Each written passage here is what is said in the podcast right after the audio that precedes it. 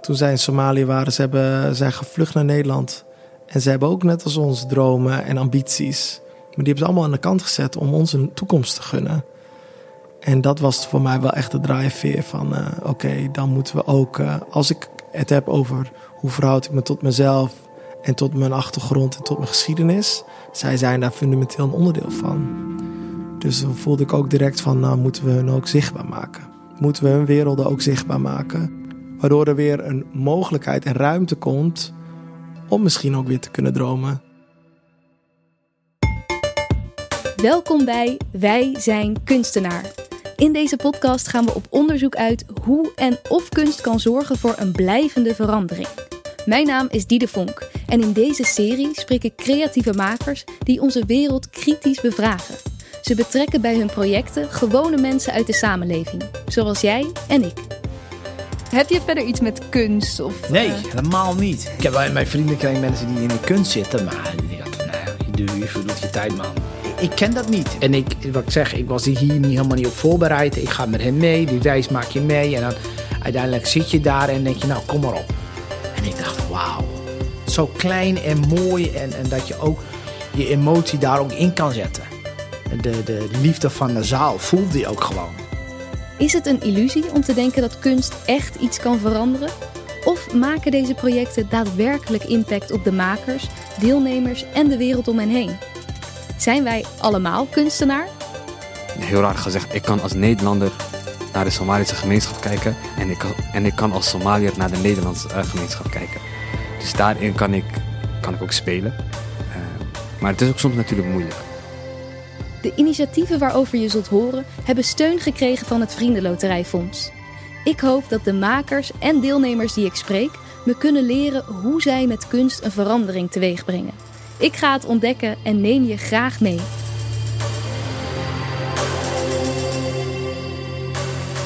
Deze aflevering gaat over het project LIG van dansgezelschap X Yusuf Bos. Choreograaf Mohammed Yusuf Bos maakt met dit project voelbaar wat het betekent om een biculturele achtergrond te hebben. Hoe het is om op te groeien tussen twee culturen. Toen Mohammed drie jaar was, vluchtte hij samen met zijn moeder, broer en zussen uit Somalië. Voor dit project interviewde en fotografeerde hij mensen uit de Somalisch-Nederlandse gemeenschap in Groningen en Emmen. Deze foto's en interviews vormen de basis van de multidisciplinaire dansvoorstelling LIG. Mohammed ging op zoek naar hoe hij zich verhoudt tot zichzelf en tot de geschiedenis die in hem opgeslagen ligt. En wat de rol van zijn vader hierin betekent. Je hoort in deze aflevering over dit bijzondere proces, maar ook over de verhalen van Abdi Fattah en Zakaria, die meededen aan de interviews. Uh, mijn naam is Mohamed Yusuf Bos. Uh, ik ben uh, theatermaker, choreograaf. Ehm, kom uit Groningen en ik heb het gezelschap X Yusuf Bos opgericht, drie jaar geleden. En vanuit dat initiatief ma maken we voorstellingen, vooral met dans. Naast zijn dansgezelschap zet Mo zich ook via culturele commissies in om jonge makers te ondersteunen. Hij legt uit dat dat hoort bij de wijcultuur en het each one teach one principe. Ja, dat komt ook wel een beetje vanuit de hip-hop. Het each one teach one principe in de hip-hop is dat als je zelf groeit, dat je ook mensen meeneemt daarin. Uh, dat vind ik wel heel belangrijk, want anders uh, dan focus je zo op jezelf en dan, uh, ja, dan ben je dan, misschien heb je het zelf dan gemaakt op een gegeven moment maar je environment niet. En ik vind dat wel tof om veel meer een soort movement of een soort community te bouwen. En ook waar ik me thuis voel. Ik kom ook uit de wijkcultuur, Somali, Somalische cultuur. Dat is het ook altijd heel samen. Dus zo sta ik ook in het maken. En ik vind dat dat wordt steeds belangrijker in, uh, in de manier hoe ik werk. X Yusuf Bos staat dan ook voor N Yusuf Bos. Hij maakt het altijd samen met anderen. Ik vraag hem wat de motivatie was om de voorstelling licht te maken. Het is een drieluik, denk ik nu wel, want ik maak een serie van tien voorstellingen, 1 tot en met 10. Dat zijn allemaal de getallen van 1 tot en met 10 in het Somalisch, dus licht is 6. Ik heb eerst Ko gemaakt. Uh, Ko ging over hoe verhoud je tot je omgeving. Afar ging over hoe verhoud je tot een ander. En deze gaat hoe verhoud je tot jezelf. En ik denk dat door die drie stappen, dat ik ook een heel persoonlijk traject door ben gegaan. Want ik ben vader van twee kinderen. Ik heb een biculturele achtergrond. Ik ben als eerste generatie Somalië naar Nederland gekomen. En ik dacht, wat, heeft, wat voor effect heeft dat? Uh, hoe verhoud je tot jezelf en ook tot de geschiedenis die je opgeslagen ligt? Wat heeft de, je omgeving en de ander, uh, wat voor invloed hebben die gehad op, uh, op wie ik ben? En het was best wel een persoonlijk project, werd het. Want uh, dacht, ja, wat ga je dan doorgeven aan de volgende generatie als het gaat over, kunst, uh, over cultuur überhaupt? En ook wie je bent en wat, wat ga je van je cultuur, Somalische cultuur, meegeven? In de voorstelling zien we drie dansers met alle een andere biculturele achtergrond. Iraans, Surinaams en Mohammed zelf die Somalisch-Nederlands is. Het is echt een multidisciplinaire voorstelling. Dus er zit dans in, er zit echt hip-hop in, er zit Somalische dans in, de Jander, Danto.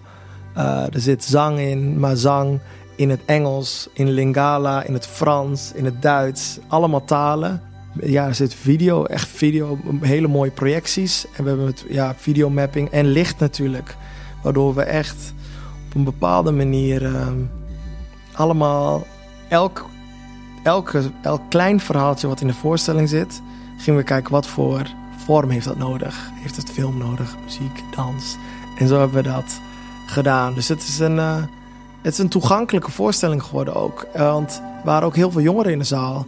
En het, was ook, het is ook een voorstelling geworden waarin je gewoon mag klappen en gaan. Want mensen gingen echt helemaal los.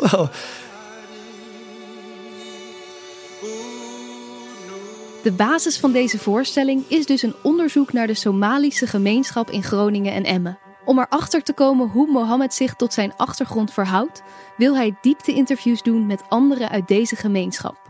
Een van hen is Abdi Fattah. Hij is 38 jaar en vluchtte net als Mo op zijn vierde met zijn familie van Somalië naar Nederland. Het gesprek met Mo maakte enorme indruk op hem. Ja, ik ga er overal blanco in. Ik, vind, uh, ik heb nergens angst voor. Dus ik ging erheen en, uh, nou ja, bizar eigenlijk.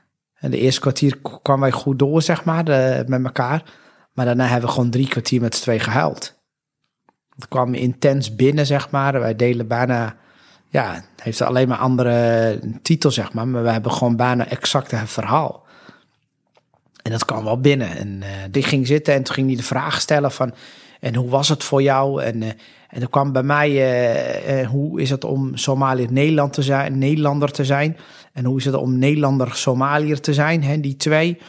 Uh, en nou, dat, dat, draag je altijd in je eentje. Maar nu had je ineens iemand voor je die je zegt: ja, ja, weet je, die bijna alles beaamde wat jij voelt. En dat is best wel gek natuurlijk. Maar daarnaast is ook nog hè, dat je je, je je filmpje bijna opnieuw afspeelt. Hè? De, de, hele reis en je hele jeugd ging je met iemand ja, afspelen die hetzelfde had. En we zijn natuurlijk een van de eerste generatie die hier binnenkomen als jongeren. want ik was uh, vier en hij ook. En opgegroeid in, in een kleine dorpje. Nou, dat is ik ook. En met, met, met, met alle opstaan en vallen van, van hè, alleenstaande moeder die alles voor ons moest doen. Nou, dat heeft hij ook. Nou, ik ook. Dus het is allemaal bijna hetzelfde, maar ook um, hoe kijkt de, uh, de samenleving richting ons toe? En wij zijn allemaal, een, ja, de Somalische gemeenschap is nergens zichtbaar. En als een keer zichtbaar zijn, is alleen maar over uh, nou, hoe, hoe, hoe lang ze in de uitkering zitten en dat ze niet meedoen met de arbeidsmarkt. Dus die signalen zijn alle, allemaal wel. Maar de positiviteit zat daar niet in. En, en wij konden met elkaar wel delen. Dat wij dachten, hè, zo slecht zijn wij toch helemaal niet bezig. En, en wij twee niet alleen, maar ook dat ik, ik ken veel meer jongens of jongeren die echt heel goed bezig zijn. Maar die zijn nergens zichtbaar. En door het met elkaar dat je over hebt, is al genoeg. Mo en Abdi kennen elkaar al lang, maar dit soort gesprekken hadden ze nooit eerder gevoerd. Ik was benieuwd hoe dat kwam.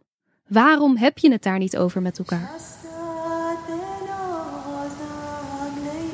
Je werkte eigenlijk op automatische piloot. Ik sta s ochtends op. Nou ja, ik moest toen eh, destijds zorgen dat ik een, eh, een goede, eh, een juiste diploma had. Dus daarnaast moet ik ook nog zorgen dat ik een juiste baan vind. Dus je bent alleen maar aan het werk en je emotie schakel je bijna uit. Dus je hele vluchtverhaal eigenlijk schakel je uit. En ik ben nog ook nog iemand persoon die dat totaal niet belangrijk vindt. Ik vind helemaal niet belangrijk hoe ik hier binnen ben gekomen. Ik vind het belangrijk, wat kan ik nu toevoegen in het land? Wat kan ik zelf doen? En dus je hebt het bijna nooit over je, je emotie. En, en dan word je, nou, nou ja, je gaat trouwen, je krijgt kinderen. Dus dan ga je daar weer je aandacht op vestigen. Dus je hele je eigen vergeet je bijna. Ja. En nu ineens zit je aan tafel met iemand met, door dit project.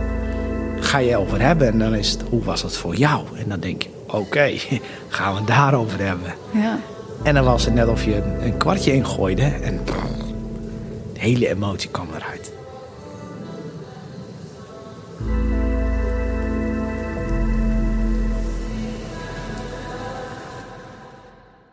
Iemand anders op wie dit traject een grote impact maakte is Zakaria. Straks horen we zijn verhaal. Eerst ben ik benieuwd hoe Mohammed dit proces heeft aangepakt. Wat hoopte hij te bereiken met deze interviews? In Emmen en in Groningen gingen we met eh, een aantal jongeren van de jonge generatie eh, gingen we interviewen en een aantal van de ou- oude generatie.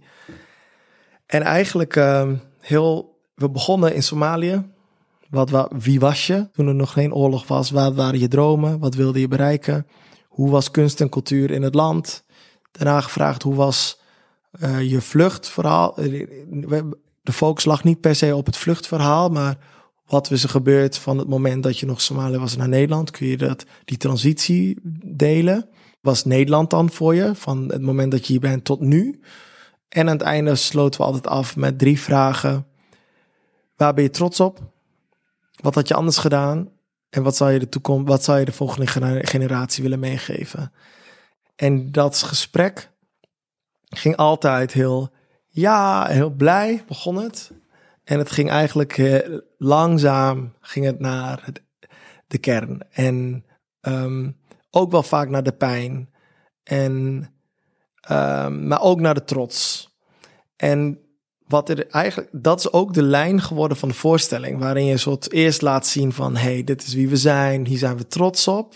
En uiteindelijk kom je dan tot dat punt waar ook een bepaalde rouw zit. En ehm, ja, om even terug te komen, we hebben dus dan, dat heeft dus heel erg de voorstelling, de, de lijn van die interview heeft ook de voorstelling geïnformeerd. Maar we hebben ze ook allemaal op de foto gezet met als doel, we willen ze allemaal zichtbaar maken. Zoals Abdi ook al zei, is de Somalische gemeenschap weinig zichtbaar. En als ze zichtbaar zijn, vaak niet op een positieve manier. Mo verdiepte zich in analoge fotografie en maakte een magazine van 55 pagina's waar hij deze verschillende Somalische Nederlanders portretteerde met hun verhalen erbij. Als een document van wie zij zijn. En rondom dat magazine willen we nu ook dat eh, er een expositie komt. Waar, eh, waar, waar een van de jongeren die ik hier in Groningen heb eh, geïnterviewd, Zakaria, ehm, eh, een expositie gaat inrichten met zeven jongeren uit de gemeenschap. Zodat we het nog zichtbaarder gaan maken. Zodat zij dus, als zij een expositie gaan maken, moet ze ook weer naar hun ouders toe. Om te vragen, hey, we willen dit. Kun je ons weer wat verhalen vertellen? Zodat het gesprek op gang komt. Zodat er na de voorstelling nog steeds het door blijft gaan. Dus er zijn allemaal mensen aan op het moment, omdat zij allemaal het gevoel hebben gehad van, hey, mijn verhaal mag er zijn. Huh? Ehm, ik moet hier nu zitten en ik mag nu mijn verhaal delen. Huh? Dit is bijzonder. Zo ook Zakaria. Uh, Mijn naam is Zakaria Ahmed. Ik ben eh 23 jaar. Ik studeer pedagogiek op dit moment en zit op mijn, in mijn tweede jaar. Ik ben hier geboren. Mijn ouders zijn in de jaren 90 hier gekomen. En mijn ouders hebben elkaar hier ontmoet. Dus die hebben elkaar niet in Somalië ontmoet. Wel allebei Somalisch ook. Allebei Somaliërs, ja. En ik ben een van de veertien. Wauw. Dus dat is eh, heel, veel, eh, heel veel kinderen. Is dat ook iets wat meer gebruikelijk is in, eh, zeker, in zeker, Somalische zeker, zeker. Ik ben heel benieuwd hoe Zakaria de Somalische gemeenschap hier in Groningen zou beschrijven. Als ik het zou kunnen omschrijven in één woord, is het gewoon één grote familie. Iedereen kent elkaar hier eigenlijk wel. Dus dat is wel eh, heel mooi. En aan de andere kant is het ook natuurlijk, ehm, ja, je bent een, een, een groep binnen deze samenleving. En omdat ik hier geboren ben, ehm, merk je soms dat je, nou niet echt, in mijn geval niet echt botsingen, maar wel van dat je merkt van, oké, hier kijk ik toch weer anders tegenaan dan het gewoon is in de Somalische gemeenschap. Zakaria is hier geboren en getogen. Ik vroeg hem in hoeverre hij het gevoel heeft dat hij is opgegroeid in twee culturen. Hoe was dit voor hem? Ik was daar als kind eigenlijk niet echt mee bezig. Ik, eh, ik besefte het eigenlijk niet, dat ik eigenlijk in twee werelden leefde. Je weet wel dat je natuurlijk anders bent. Je, je spreekt een andere taal thuis, je viert andere feesten. Daarin merk je het wel, maar als kind ben je dat niet bewust. En op een oudere leeftijd dan merk je dat wel. Heel raar gezegd, ik kan als Nederlander naar de Somalische gemeenschap kijken. En ik kan, en ik kan als Somaliër naar de Nederlandse uh, gemeenschap kijken. Dus daarin kan ik, kan ik ook spelen. Uh, maar het is ook soms natuurlijk moeilijk.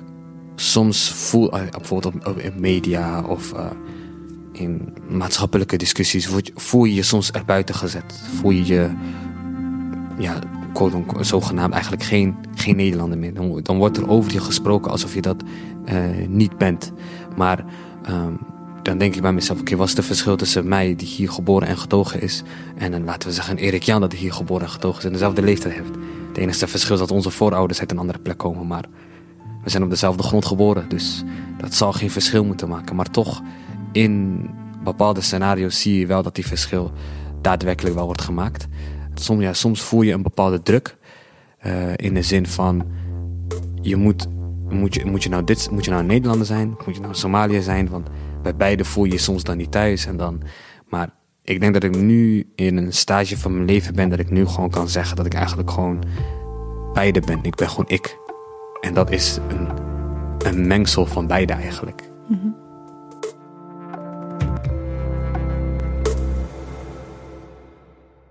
Hoe zag Mo de Somalische gemeenschap voordat hij begon met dit project? En wat ziet hij bij de generatie die hier is gekomen op oudere leeftijd? Ik had het beeld ervan dat zij dat het een gesloten gemeenschap is. Ik had een beeld dat ze nog steeds in overlevingsstand stonden. Is uh, het beeld dat ik had, was dat uh, de Somalische vrouwen uh, heel veel moeite en kracht hebben gestoken in de opvoeding van hun kinderen. En daarin ook de lead we hadden. Ik heb ook gezien dat de Somalische mannen uh, in een uh, bepaalde vergeethoek zijn terechtgekomen. Omdat zij ook, um, omdat de caretaker, de man is zeg maar de provider, die dan allemaal in processen van um, dat ze niet mochten werken. Dat je in Nederland komt, mag je de eerste vijf jaar, als je geen verblijfsvergunning hebt, mag je niet werken of tien jaar niet, dat zij gewoon uh, hun purpose of life zijn verloren. En dat ze op een bepaalde manier ook een uh, vergeten groep zijn. En uh, ja, dat zijn wel dingen die ik heb gezien. En ik dacht van, en heb gezien en ook wel voelde. En ik van wow. Ik had ook wel een soort ambitie van, hé, hey, ik moet die mensen zichtbaar maken. Weet je, die stille, stille sacrifices die zijn gedaan door die gemeenschap is ongekend. En wij als kinderen hebben dat natuurlijk gezien. Maar we hebben het ook bijna als normaal gezien. En dat is helemaal niet normaal. Omdat zij hebben ook dromen. Toen zij in Somalië waren, ze hebben, zijn gevlucht naar Nederland. En ze hebben ook net als ons dromen en ambities. Maar die hebben ze allemaal aan de kant gezet om ons een toekomst te gunnen. En dat was voor mij wel echt de drijfveer van, uh, oké, dan moeten we ook, uh, als ik het heb over hoe verhoud ik me tot mezelf, en tot mijn achtergrond en tot mijn geschiedenis. Zij zijn daar fundamenteel een onderdeel van. Dus dan voelde ik ook direct van, nou moeten we hun ook zichtbaar maken. Moeten we hun werelden ook zichtbaar maken. Waardoor er weer een mogelijkheid en ruimte komt om misschien ook weer te kunnen dromen. Zometeen hoor je meer over hoe dit persoonlijk bij Mo speelde. Want naast dat dit een onderzoek was naar de gehele gemeenschap, was het voor hem ook een onderzoek naar de rol van de vaders in de Somalische gemeenschap en in het speciaal hoe zijn eigen vader hem heeft gevormd. Maar eerst naar het bijzondere verhaal van Abdi, want ook hij voelde dat hij iets terug wilde doen voor zijn ouders, die alles hebben achtergelaten om hem en zijn broers een veilig thuis te bieden. Hij gaat op onderzoek uit naar zijn eigen wortels en stapt op het vliegtuig naar Somalië.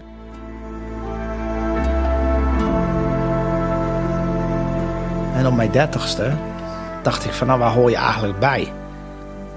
Ben ik nou Nederlander? Of ben ik nou Somaliër? Dus, en toen dacht ik, ja, maar eigenlijk hoor ik nergens bij. Dus ik ben uh, met de vliegtuigen naar Mogadishu gevlogen. En dat was echt, jongen, niet normaal. Ik, ik ging zo ademen. En toen dacht ik, wauw. En ik weet nog heel goed, het regende heel hard. En als daar regende, regent het ook heel hard en dan is alles overstroming. Dus je kunt bijna niet rijden. Maar ik dacht, wauw, dit is het.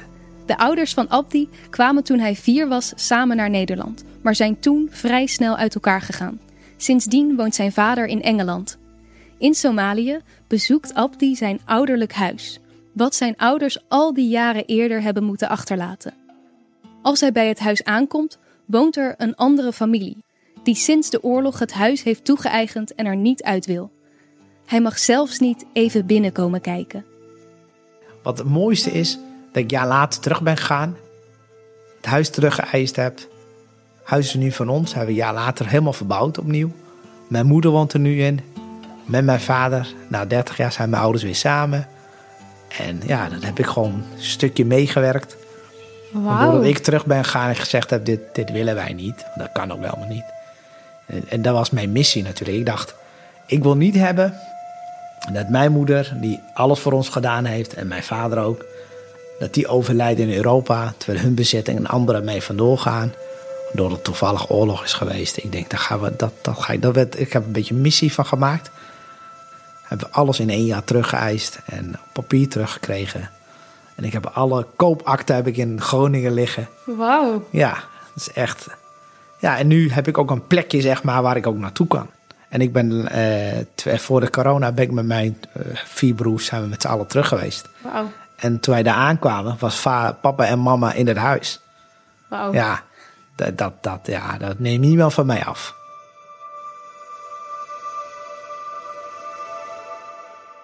Door het terugkrijgen van het huis zijn Abdi's ouders nu weer bij elkaar. Abdi's moeder woont nu half in Somalië en half in Groningen. Wat knap dat jullie dat dan ook, dat jij dat eigenlijk weer bij elkaar gebracht hebt. Ja, ik, ik, ik, ik ben op de, ja, ik praat er niet vaak over, want eh, ja, maar ik ben wel trots op dat dat mij gelukt is, zeg maar. En eh, dus, ja, want dat, dat kon niet, ik, ik, ik kon niet, iedere keer als ik mijn moeder in Selwert zag, dacht ik, dat kan niet. En dat heb ik iedere keer in mijn hoofd gehouden. En nu heb ik gewoon een hele gelukkige moeder die, eh, ja, die weer voor ons kan zijn. Want eh, zo'n oorlog doet ouderen veel meer dan de kinderen. Wij hebben bijna niks meegemaakt. Het is gewoon niet heel. Maar voor haar was alles afgenomen wat, wat ze had. En dan kom je in zo'n mm, koude landje en dan moet je kinderen opvoeden. En je wordt alleenstaande en alles eromheen. En wij waren niet makkelijk natuurlijk. En dus dat, dat, dat stukje dacht ik, ja, als ze gaat, moet zij wel fucking gelukkig de graf in. Immens gelukkig ben ik nu dat mijn moeder gewoon weer lacht. En ja, en dat ze een eigen landje is en dat ze hier kan zijn. En ik, ik geloof ook echt in, iedereen moet ook gewoon zijn waar hij meest gelukkig is. En waar hij meeste, ja, zijn navel ligt bijna. Hè? Dus je wortels, ja. En, en ik voel mij meest gelukkig als ik de A7 weer zie en dat ik weer naar huis mag rijden. En dat ik, uh, dat ik uit de boesboes weer weg ben. Dat ik denk, ja, mooi. Hè, dus, en, en ik denk, ja, ik ben ook weer blij dat ik daar ben. Want ik pak gewoon van allebei de cultuur en alles. Ja. Ik ben bevoorrecht mens. Ook voor Zakaria was het gesprek met Mo heftig en persoonlijk. Ik vroeg hem wat hij het moeilijkste van het gesprek vond. Ik denk vooral de, de, de vragen die gingen over de rollen van vaders. En ook natuurlijk, ook natuurlijk over mijn eigen ervaringen daarin. Ik heb natuurlijk ook een vader en dan, ja, dan moet je, je moet dingen erkennen die je dan misschien ook soms niet wilt erkennen. Over dit gespreksonderwerp, eh, bijvoorbeeld de rol van de vader binnen de Somalische gemeenschap, wordt heel wijd besproken over de gehele wereld eigenlijk, binnen de Somalische gemeenschap. En het is altijd de, dezelfde patroon die ik erin zie. Dus vooral van dat de vaders bijvoorbeeld, natuurlijk dat ze bijvoorbeeld werkloos zijn, en niet werken, um, niet actief zijn in de opvoeding, um, misschien ook niet actief zijn in, in het begrijpen, willen begrijpen van hun kinderen. Dus dat de moeders ook heel veel thuis doen. En dan wat je vaak ziet in dat soort gesprekken, is dat er vaak ook de schuld wordt gegeven aan de vader. Maar bij Mo vond ik het heel mooi dat we eigenlijk op zoek gingen naar een oplossing. Nou, niet een oplossing, maar achter een reden. Achter een menselijke reden. Hoe kan het zijn dat uh, deze mannen dit eigenlijk doen? Ik hou van mijn vader heel veel. Heeft mij heel veel uh, wijze lessen gegeven. Maar niet ieder mens is perfect. En natuurlijk zijn er ook dingen geweest waarin hij um, misschien uh, wat minder was geweest. En dat weet hij ook. En daar hebben we het, daar hebben we het ook over gehad. In de jongere jaren was mijn vader bijvoorbeeld heel lang in, in Somalië. Kijk, mensen zouden dan zeggen, um, omdat hij die dingen heeft, is het een slechte vader. Maar dat vind ik weer net niet. Je moet je voorstellen dat deze mannen die hierheen komen, en dit geldt natuurlijk niet voor iedereen die dit heeft meegemaakt, Want er zijn natuurlijk ook, ook gewoon mannen die het gewoon echt niet doen. Gewoon echt niet doen omdat ze het niet willen. Maar in Somalië is het heel gewoon om als man de broodwinnaar te zijn. Financieel had mijn vader helemaal geen probleem in Somalië. Die had het gewoon heel goed daar. Dus die, die is echt gevlucht, dus omdat het gewoon niet meer veilig werd op een gegeven moment. En ja, dan kom je hier in Nederland en dan moet je helemaal weer opnieuw beginnen. Je moet de taal leren. Je moet werken hoe, je moet leren hoe de gemeenschap werkt. Hoe, werkt, hoe werkt de maatschappij in Nederland? En dan zou ik me kunnen voorstellen dat je dan raakt in een depressieve val. Het is ook niet gewoonlijk voor die mannen om het dan te hebben over die gevoelens. Dat willen ze ook niet doen. Dan ga je dus ook op zoek naar dingen die die gevoelens kunnen weghalen. En dan is het ook natuurlijk moeilijk om connectie te zoeken met je kinderen, omdat je je voelt alsof, alsof je hebt gefaald. Ik heb wel het geluk gehad dat mijn vader natuurlijk wel met mij heeft gepraat. Ja. Dus dat is um, uh, in die zin de communicatie was wel goed. Dat vind ik dus heel mooi. Dat ik dus met mijn vader die gesprek heb uh, kunnen hebben. En daardoor ook gewoon mijn eigen leven kan leiden. En kan kiezen om te zeggen van oké, dit en dit wil ik niet doen. Dus ook naar de Som Somalische gemeenschap toe. Van dat ik bepaalde dingen durf aan te pakken binnen de gemeenschap. Dingen die ik bijvoorbeeld gewoon um, toxic vind. De tweede generatie doet dit, die, die mogen deze fouten maken. De derde generatie pakt, die laat deze fouten zitten en maakt een andere fouten. En zo gaan we steeds beter en beter worden.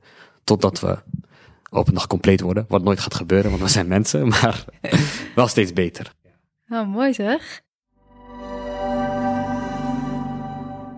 Voor mijn vader ben ik zijn hartstil. De pijn, de tranen die waren gegeven, waren misschien voor hem iets te emotioneel. De kamers waarin we samen met elkaar waren, leek hij stil. Maar een man met vele gedachten. Wanneer hij praat, kon hij mens harten verzachten. Als hij sprak, keken wij als zonen en kinderen, als soldaten naar hem toe, wachtend op zijn opdrachten. De boodschap van hem naar zijn zoon was hoop, liefde en de kracht tot nieuwe bewegingen.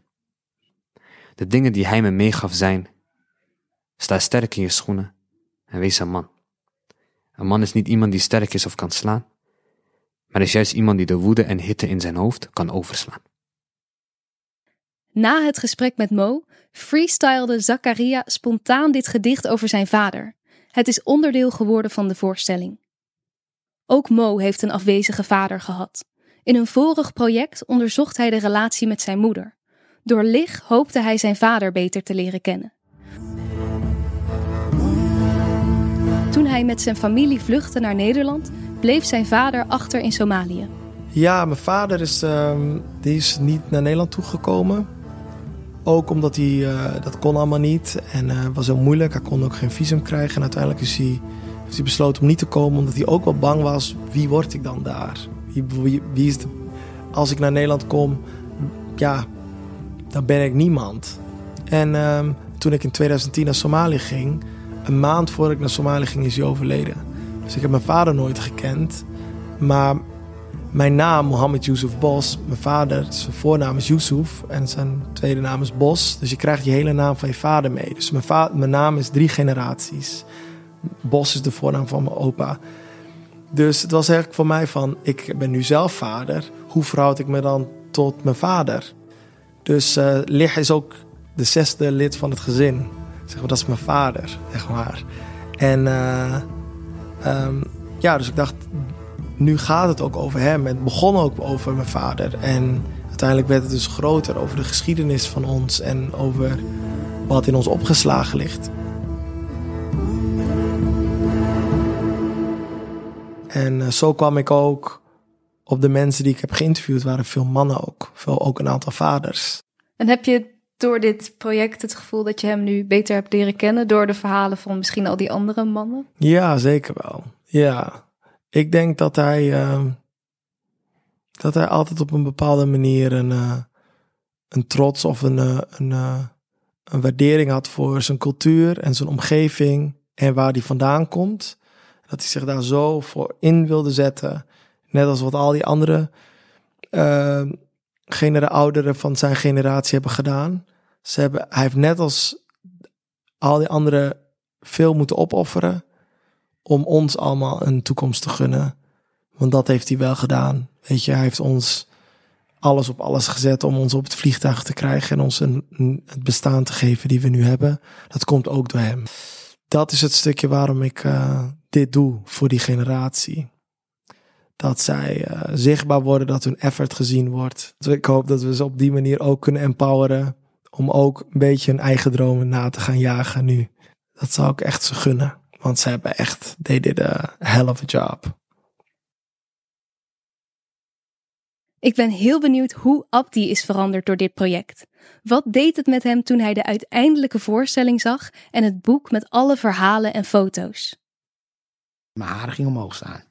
Het is zo mooi en ik ben zo trots op die mensen en zo trots dat ze dat stukje, de positiviteit en ja, je- dat je je, je mag laten zien en eh, de warmte en de, de liefde van de zaal voelde je ook gewoon.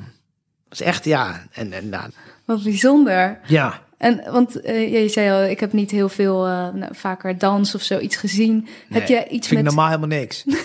ja, ik ben, Nee, dat mag, Nee. ja. Want heb je verder iets met kunst? Of, Nee, eh, helemaal niet. Ik heb bij mijn vriendenkring mensen die in de kunst zitten, maar ik dacht van, nou ja, je, je verdoet je tijd, man. ja? Ga wat anders doen. Maar Hoe, hoe komt het? Wa- waarom? eh, ja, weet ik niet. Ik denk dat het onbekende.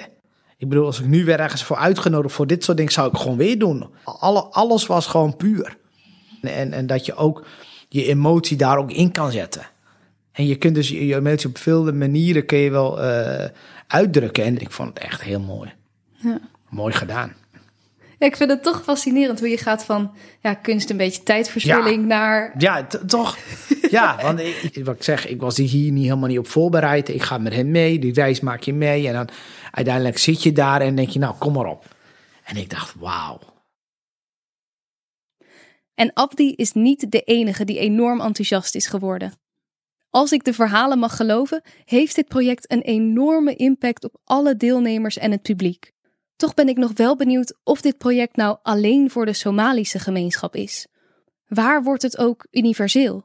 Ja, dat, de, de keuze was echt daarom ook om niet met alleen Somalische dansers dit te doen. En ook met de cast is echt super breed. En eh, de talen die er is, meertalig. Dus eh, heel erg kiezen voor een emotionele wereld dan een identiteit. Weet je, dus de voorstelling is universeler daarin. Dus je voelt wel, er zitten elementen in. Maar het eindproduct, ook het magazine ook, is iets waar mensen zich toe kunnen verhouden. En ik denk als dat genoeg ruimte is, denk dat het dan bij dat het voor iedereen is. En dat is wel het stukje wat ik belangrijk vind ook in het maken, dat de mens centraal staat. Niet waar je vandaan komt, maar wie we zijn of wat je hebt of wat je deelt met elkaar. Zoveel mensen die zich voor het eerst gezien voelen en voelen dat hun verhaal ertoe doet. Ze durven weer te dromen, zoals Mohammed zegt. Ik vraag hem of hij trots is dat hij dit voor elkaar heeft gekregen. Ik ben echt eh, extreem trots. Tijdens de première was, eh, voelde ik dit extreem bij iedereen. En er kwam een vrouw naar me toe die zei van... eh, ik wil je echt bedanken dat je onze emotionele wereld deelt. En dat mensen dit voelen.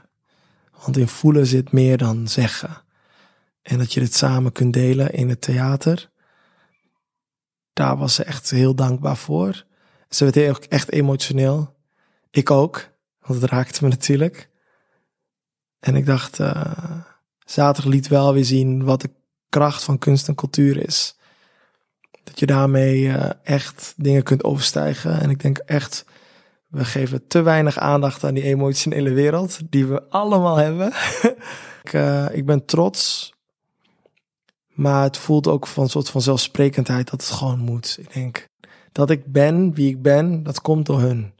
Ik denk kunst en cultuur kan aandacht geven aan iets wat door de dagelijkse, het dagelijkse leven soms over het hoofd wordt gezien. Je kan iets even, je kan de tijd stilzetten en je kan mensen dan een moment gunnen om zich daartoe te verhouden.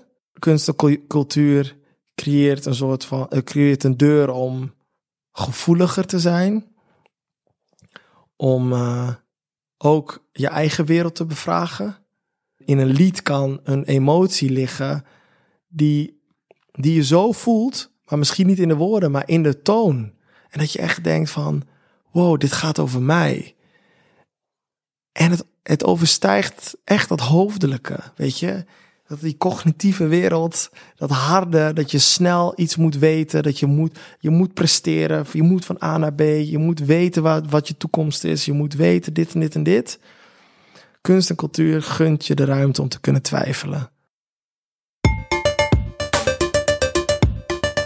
Dankjewel voor het luisteren naar Wij zijn kunstenaar, een podcast van het Vriendenloterijfonds. Ik neem weer een hoop lessen mee uit deze aflevering. Onder andere het belang van beeldvorming. Het op een positieve manier zichtbaar maken van de verhalen van mensen is ontzettend belangrijk. Er zijn nog zoveel bijzondere verhalen te ontdekken. En juist al die verhalen en culturen maken ons land zo rijk. Ook leerde ik dat onze emoties universeel zijn. Het gaat om de mens die erachter zit. Ik vind het geweldig dat deze voorstelling niet het eindpunt is. Het is een begin waarvanuit nu ook allerlei andere projecten worden gelanceerd. Met de video's uit de voorstelling wordt een film gemaakt, er ontstaan verschillende exposities en er wordt een avond georganiseerd om verder te spreken over de interviews die Mohammed afnam. De voorstelling zal in ieder geval nog te zien zijn in Amsterdam en Den Haag. Hou www.xyoutubebos in de gaten voor de recente speellijst. De volgende aflevering gaat over het project Een geschiedenis van Curaçao in 100 objecten. In 2020 bestond Curaçao 10 jaar als autonoom land binnen het Koninkrijk. Maar in plaats van een feestjaar is 2020 meer een rampjaar geworden. De bestaande armoede en werkloosheid zijn enorm toegenomen als gevolg van corona-gerelateerde overheidsmaatregelen. En de relatie met Nederland is zwaar verslechterd. Tegen deze achtergrond wil Juri Oldheten, oprichter van het literaire instituut Wintertuin Curaçao, dit project realiseren. Het project vertelt de Curaçaose geschiedenis aan de hand van de verhalen van 100 tot de verbeelding sprekende objecten. Met als doel cultureel erfgoed tot leven te brengen en te verbinden in een tijd van verdeeldheid, ongelijkheid en onzekerheid. Verschillende bewoners van Curaçao hebben objecten aangedragen die iets bijzonders vertellen over de geschiedenis. Ik spreek Juri over dit project en zijn beweegredenen en ik spreek twee deelnemers over hun speciale object. Dat hoor je de volgende keer. We hopen dat je dit een interessante aflevering vond. Abonneer je op de podcast om onze aankomende afleveringen niet te missen.